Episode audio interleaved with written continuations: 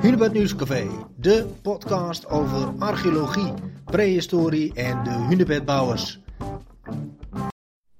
Ik spreek vandaag met onze bibliothecaris Bertus Luwers over de geschiedenis van dit gebouw, van het Hunebedcentrum, van het museum. Hoe is het allemaal begonnen? Bertus, we gaan het hebben over uh, de ontstaansgeschiedenis van het Hunebedcentrum. Um, wanneer begint uh, dat verhaal? Nou, dan moet er eigenlijk even een, een verhaaltje, een, stukje geschiedenis moeten vooraan uh, over Borger. Ja. Want in de vijftiger jaren uh, was in Borger een grote ruilverkaveling aan de gang.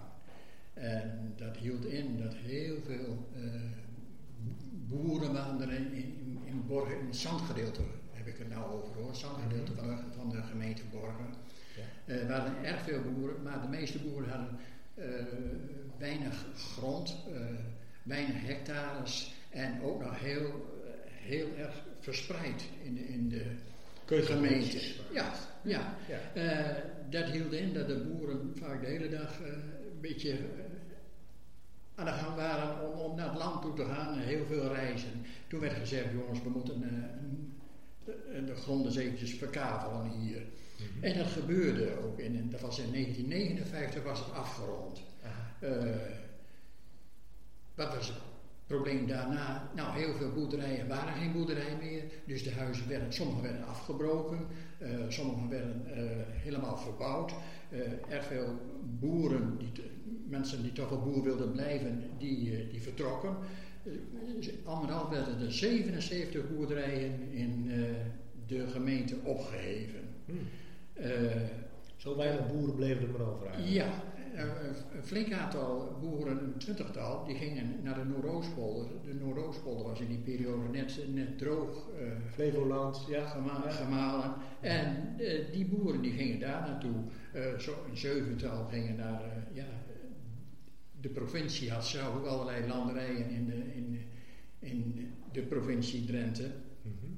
En daar ging gingen boeren ook naartoe, uh, naar de domeinontginningsgebieden in Drenthe, werd dat genoemd. Mm -hmm. uh, een negentiental boeren die werden gewoon uitgekocht, die kregen een som geld als je nou geen boer meer wilt worden, ja. wilt blijven. En ja, andere bestemming waren, we stoppen er gewoon mee. Ja. Uh, dus dat hield in dat er ja, flink wat boerderijen, flink wat gebouwen in uh, Borger, in de plaats Borger, ook uh, verdwenen.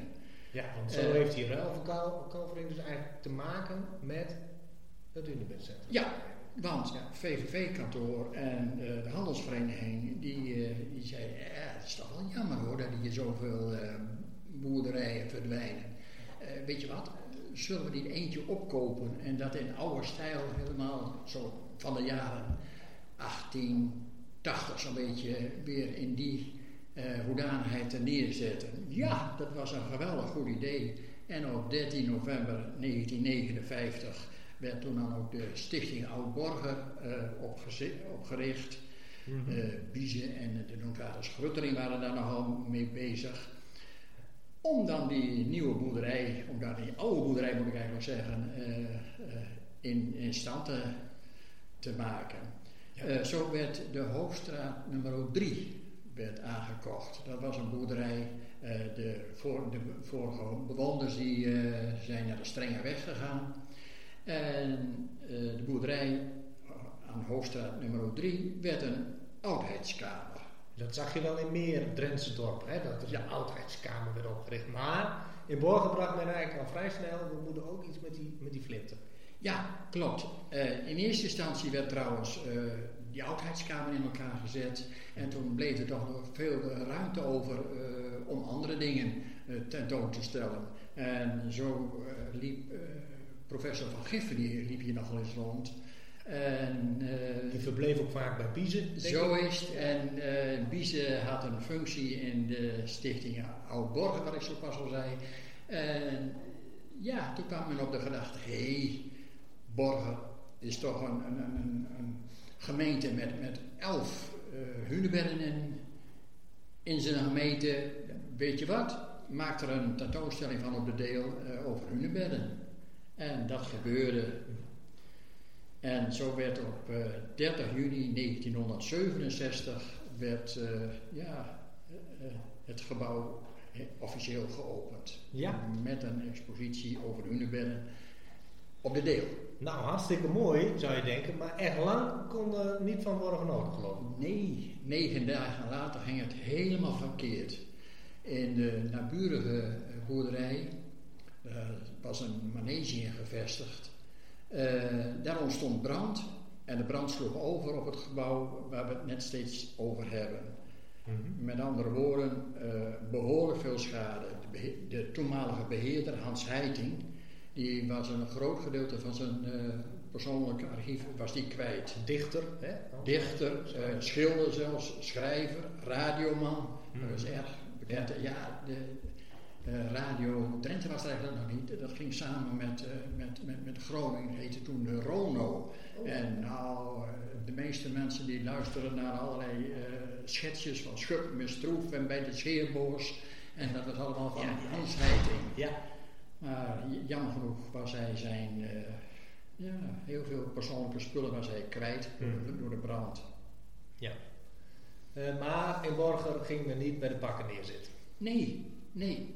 Negen maanden na die tijd eh, eh, werd het gebouw alweer geopend, want men ging in die negen maanden tijd eh, ging men niet stilzitten, maar men eh, ging de oude, oude eh, boerderij ging men weer in oorspronkelijke staat herstellen. Ja. Eh, men ging het toen trouwens ook meer Flintenhoes noemen. Oké, dus Omdat er stenen toch- kregen al meer de nadruk. Klopt. Mhm. Eh, eh, dus huis met flinten, huis met keien. Dus dat Mhm. kwam omdat er een tentoonstelling was over, over hunebedden. Nou, en dat liep geweldig eigenlijk. Er kwamen toch wel erg veel mensen kwamen erop af. Het uh, Borger had een nieuwe eh, bezienswaardigheid eh, weer teruggekregen, laat ik Ja. zo maar zeggen. Want men zag in die tijd ook al dat er meer en meer mensen eigenlijk gewoon eh, langskwamen voor het grootste hunebed en dergelijke, toch? Klopt. Dat was zelfs al eh, veel eerder. Ja. Eh, in 1905, toen een spoorlijn eh, langs eh, Buinen geopend werd, toen eh, vielen de mensen in Borger al op dat er meer buitenland, nee, niet, geen buitenlanders, maar mensen uit, uit heel Nederland kwamen om de hunebedden te bekijken. Ja, Dus precies. toen begon eigenlijk de, de loop naar de hunebedden al. Dus het hele toerisme is eigenlijk al zo'n 115 jaar geleden begonnen hier in Borger. Ja, ja, ja, klopt. Ja. Ehm, ja, helaas, eh, het, het, het lijkt een herhaling, maar het is niet zo. In 1980 weer brand. Ging het weer verkeerd. Ja. Eh, er waren mooie tentoonstellingen waren er eh, klaar gemaakt in die periode. Eh, de Tweede Wereldoorlog zou herdacht worden en daar werd ook een tentoonstelling van in het, in het Flintenhoes dan neergezet. Maar het ging fout, weer, weer brand. Ja, er stond zelfs stukken in de krant dat er waarschijnlijk aangestoken was, maar er is nooit een dader naar voren gekomen. Erg vervelend eh, voor de toenmalige beheerders, dat was de familie Venema, want eh, Hans Heiting die, eh, die wilde na de eerste brand niet meer Ja. terugkomen. Nee. Dus dat was Een nieuw probleem. een nieuw probleem. Men wilde het weer opbouwen. Oké. Maar wat was er aan de hand? Net in die periode kwam het arme werkhuis aan de Bronnige straat kwam te koop. Ja, de, de, de, ja, eigenlijk waar we nu in zitten. Zo is het. Ja. Zo is het. En dicht bij het grote hunebed, dus wat willen we nog meer? Ja, ideale plek. Ja, dus het, dat gebouw, Arme Werkhuis, werd aangekocht door, eh, door de stichting Oud-Borger. En men wilde zich trouwens eigenlijk alleen maar mee bezighouden met informatie over hunebedden.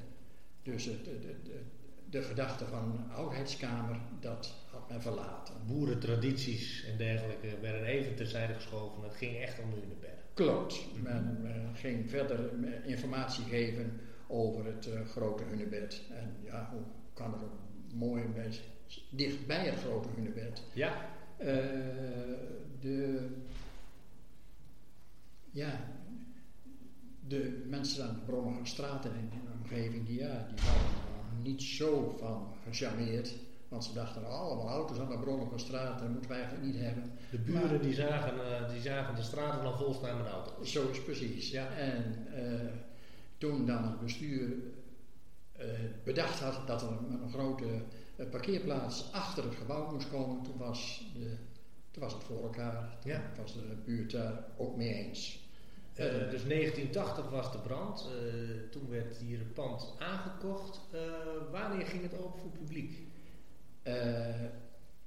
Nou, eigenlijk, eigenlijk direct al. Want hier, ja. liepen meteen allerlei mensen liepen er rond, dus er werd een kleine tentoonstelling al, al klaargezet. Ja. Het was niet zo dat het storm liep, maar er kwamen toch mensen kwamen erop af. En men begon met kleine tentoonstellingen. Ja. Maar dat werd toch, toch eh daar ging een aantal jaren overheen. Dat werd toch behoorlijk uitgebreid. De, ja, de kapschuur werd dichtgemaakt en een soort dingen. En er werden mooie tentoonstellingen gemaakt. Vitrines gebouwd. hè? Zo is, het, Ja. zo is het. En in 87 kwam de toenmalige minister Brinkman, die kwam het gebouw officieel openen.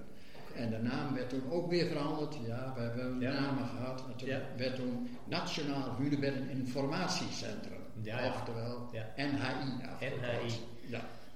Het flinterhoes werd in de volksmond natuurlijk altijd nog wel gebruikt. Ja, ja, klopt. Ja. Nou ja, daarna kwamen er natuurlijk allerlei uitbreidingen. eh, En eh, bij deze uitbreidingen zat jij al in het bestuur, hè? ja, ik ben in 1984 eh, eh, erbij gekomen toen, toen eigenlijk net eh, het, het arme werkhuis aangekocht was. Dus je hebt in de weekenden meegeholpen de eerste kaartjes te verkopen. Klopt, want we hadden toen maar één persoon, dat was Jan Woltjer, die, die, die deed heel veel en die zorgde ook dat over, over door de week eh, het centrum over, open was, of de Flinterhoes open was. En in de weekenden zat het bestuur, die zat er kaartjes te verkopen. Ja. En het is misschien nog wel een leuk verhaal dat eh, Jantje Rozing zat er toen ook in. En die nam ook al voor, voor haarzelf natuurlijk een, eh, een koffiekan mee om een kopje koffie, om zichzelf te trakteren op een kopje koffie. Maar ja, dan kwamen er mensen die, die, die kundig waren en eh, ja, eh, oh, een kopje koffie, ja, Jantje had nog wel wat in de kan. En eh, dat is eigenlijk het begin geweest van, van een grote koffiekamer. Ja. En eerder was dat een, een, een extraatje, maar nu is, het, is het een noodzaak Dus het begon eigenlijk heel, ja, best wel kleinschalig. Hè? Klopt. Dus in de kapschuur van het arme werkhuis. Ja. iemand via de gemeente die daar eigenlijk een mooie expositie ging, ging, ging maken. Eh, het bestuur dat in de weekenden eh, eh, de kaartjes eh, verkocht. Eh, en toen werden er toch wat stappen ondernomen zo in, de, in de negentiger jaren. Hè? Ja, klopt. Toen, eh, toen werd het een, een, een stuk groter. Eh, er werd ook eh, een, een akker aangebouwd, aangekocht. Een akker die, die naast het eh eh, Flintenhoes lag, werd aangekocht. En het bestuur bedacht dat daar een mooi eh, themapark op moest komen. Ja. Eh, en dan werd er ook wat meer dan alleen maar over hunebedden nagedacht, maar ook over de hele steentijd, ijzertijd en, en bronstijd, hè, over de hele prehistorie. ja, exact. Het verhaal werd wat verbreed. Ja, Mhm. 1995 kregen we nog hoog bezoek, want eh, toen kwam eh, prins Willem-Alexander, die kwam hier het Nationaal Hunebedden Informatiecentrum eh, opnieuw openen, omdat het al zo geweldig uitgebreid was. Ja, omdat Dus- er, er was al een complete ja, café, hè, een soort kantine-achtige opstelling was er, was bijgebouwd. Klopt, klopt. Het werd eh, ja, aangeprezen als een koffiekamer, maar de bevolking in de volksmond heette het eigenlijk al een kantine. Het leek Ja. een beetje op een voetbalkantine. maar het was een geweldige eh, eh, plaats, want als je daar zat, dan had je kijk op, op het grote hunebed. Ja. Dat, is, dat is mooi. Dat is Ja. zo mooi. Dat is in 1995. eh, Ja, Prins Willem-Alexander komt op bezoek. nou, dus eigenlijk gaat het in die jaren goed met, met, met, met het museum en met het NAI. Eh, maar er zijn plannen om nog meer uit te breiden. ja klopt. Ik, had, ik heb net al gezegd dat eh, er werd een akker aangekocht. Eh, en men probeerde daar eh, een grotere tentoonstelling, een themapark van te maken. Ja. Dus er moest geld komen, er werd aangeklopt bij de gemeente, er werd aangeklopt bij de provincie. En vooral de provincie die zei, nou dat gaan we toch eens even goed bekijken. Er was een, een stuur, eh, eh, groep was erop gericht die Ja. eh, zou bekijken wel, hoe, hoe zit het met alle musea in, in Drenthe. En voordat we geld geven gaan we dat eens even goed bekijken. Mhm. En deze stuurgroep die kwam eigenlijk tot de conclusie, nou jullie tentoonstelling is eigenlijk een beetje te karig. Te karig. Ja, dat moet wat groter worden. Dus de plannen waren eigenlijk nog niet groot genoeg. Nee, nee, nee. eh, Het themapark werd eventjes opzij gezet en er werd gezegd, nou, eh, probeer eh, een grotere eh, tentoonstelling te maken. Desnoods een heel nieuw gebouw. Mhm. Jongen, jongen, jongen. Nou, daar schrokken we zelf een beetje van. Maar eh, het is allemaal eh, eh, doorgegaan. Ja, want dan, het al, dan zitten we al in het, in het huidige millennium, hè, dus, dus, dus na eh, 2000 eh, dat dit speelt. Ja, ja, ja, klopt. Eh, de, de voorzitter, eh, die eh, van ons toen de tijd, die hoorde dat een bekende architect, Aldo van Eyck, dat die nog wel eens een keer een museum wilde ontwerpen. Eh, nou, er werd gebeld en Aldo die wilde dat doen. Hij is hier een weekend is hij hier geweest in, in Borger. En wat rondgekeken en hij kwam onder de indruk van de Saksische boerderijen. En zo heeft hij een plan bedacht om een groot museum te, neer te zetten. Eh, Ja. Met als eh, ja, punt eigenlijk, hé, hey, het moet een beetje op Saksische boerderijen lijken. Ja, dus hij heeft een heel eh, ontwerp gemaakt. Eh, alleen eh, niet, niet lang daarna overleden. Ja, klopt. Hij heeft eigenlijk niet zo lang is hij daarmee bezig geweest, want hij is, hij is overleden. Eh, de contouren heeft hij wel gemaakt, maar zijn vrouw eh, en eh, iemand die daar ook werkte, een Abel Blom, bij de architecten met hetzelfde bureau, die, die hebben de klus afgemaakt. Ja, oké. Dus het is doorgezet in de geest van, van de architect van Eyck. Ja, Ja. zo is het. Ja. Ehm, wanneer was dat klaar? Dat was in eh, 13 oktober 2003 ging de schep in de grond. Oké, ja. Ja, Dus toen kon er eindelijk eh, worden begonnen aan de bouw. Dus Ja. dat, dat duurde ook nog wel even. En dat had niet alleen te maken met eh, het overlijden van, eh, de, van Aldo, denk ik, maar ook met de bezwaren van de buurt, denk ik. Ja, de buurt was er niet zo geweldig eh, over te spreken dat er een nieuw gebouw zou komen. Die zagen alweer de straten vol natuurlijk. Ja, eh, en eh, die hebben nogal geprotesteerd, maar uiteindelijk is het toch gekomen. Ja. we het zo maar zeggen. Ja, het Maar- heeft even wat voeten in de aarde gehad. Ja, er zijn nogal wat, Ja.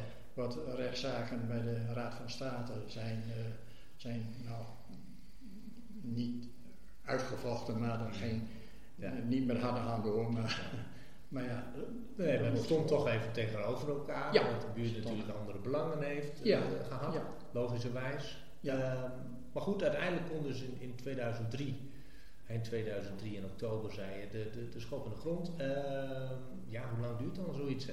ja, ja, een paar jaar later, toen, Hmm. ik geloof dat het 2005 was, eh, toen, eh, nou, toen was het eigenlijk eh, klaar. Een mooie expositie, mooie ruimte. Ja. Eh, heel mooi gebouw. En het, eh, het oude arm- en werkhuis ja, werd omgebouwd tot kantoorgedeelte, Mhm. expositieruimte, bibliotheek en een zaal waar, waar lezingen gehouden konden worden. Ja. Dus dat, dat bleef ook bestaan. Ja, want eigenlijk, eh, je, hebt natuurlijk eh, 46 jaar, zeg maar even voor de vuilweg, in het bestuur gezeten, maar eh, je- bent ook eh, nog steeds bibliothecaris. Ik, ik, ik kwam je net tegen in, in, in, in de huidige bibliotheek in het Amewerk. Ja, klopt. Dat, dat Elke dinsdag vaak. Ja, ik vind het mooi om dat te doen. eh, en ook een klein beetje bij, bij, het, eh, bij het geheel betrokken te blijven. Dat, Ja. eh, dat, dat, dat, dat spreekt me behoorlijk aan. Eh, eventjes weer terug naar, Ja. naar het gebouw, want Ja. eh, in 2019 eh, is er weer een verbouwing aan geweest. Mhm. Want eh, de oude expositie, nou ja, er moet dan regelmatig moet er, door nieuwe inzichten moet het vernieuwd worden. En dat is in 2019, dus niet zo lang geleden, is dat weer opnieuw gebeurd. Ja. En toen hadden we daarna een beetje pech, want kwam de coronatijd aanzetten. Ja. En dat was een beetje jammer dat, dat niet iedereen meer mocht komen. Nee. Openingstijden werden aan banden gelegd en het aantal bezoekers moest beperkt eh, worden. En moest ook wel aan allerlei voorwaarden voldoen. Dus, Ja. Maar eh, ik heb het idee dat we er redelijk goed doorheen komen. Ja, eh, nou hebben we eigenlijk dus vanaf 1959 tot nou, 2019, 2020 tot de huidige tijd besproken hoe het Hunebedcentrum eigenlijk van, uh, van oudheidskamer tot, uh, tot compleet Hunebedcentrum is verworden. Ehm, misschien is het nog leuk om af te sluiten eh, hoe jij tegen de toekomst aankijkt van, van het Hunebedcentrum als ja, langdurig bestuurslid. denk ik toch dat jij daar iets zinnigs over zou kunnen zeggen. Nou, ik hoop natuurlijk in eerste instantie dat uh, de, de, gauwachtig het, het, centrum weer zonder beperkingen over kan, open kan. Want ik geloof dat er uh, behoorlijk veel belangstelling is voor de archeologie tegenwoordig. En vooral van de Hunebedden en zoiets. Het zal niet zo wezen dan, dan, dan 100 of 150 jaar geleden dat men een, een Hunebed een Steinweg vindt. nee. nee men wil daar veel over weten en, en het is niet alleen het hunebed op zich, maar er wordt hier in het centrum heel veel aandacht besteed aan, aan de mensen, aan de hunebedbouwers. Mm -hmm. ja. Dus de, men probeert het leven te maken door, hé, hey, als jij nou in die periode geleefd zou hebben, hoe zou jij dan geleefd hebben? En, ja. en het is toch geweldig dat er mensen uh, die dat gebouwd hebben, aan hun hunebedstenen gezeten hebben, waar wij nou ook zo weer aan kunnen zitten, dat, dat, dat schept op een of andere manier een, een, een band. Ja. ja. Uh, uh, ik denk dat er altijd belangstelling zal blijven. En, en, wat ik hier in het centrum ook heel erg positief vind, dat er zoveel jonge, jonge lui hier rondlopen met kennis van zaken en archeologische standpunten.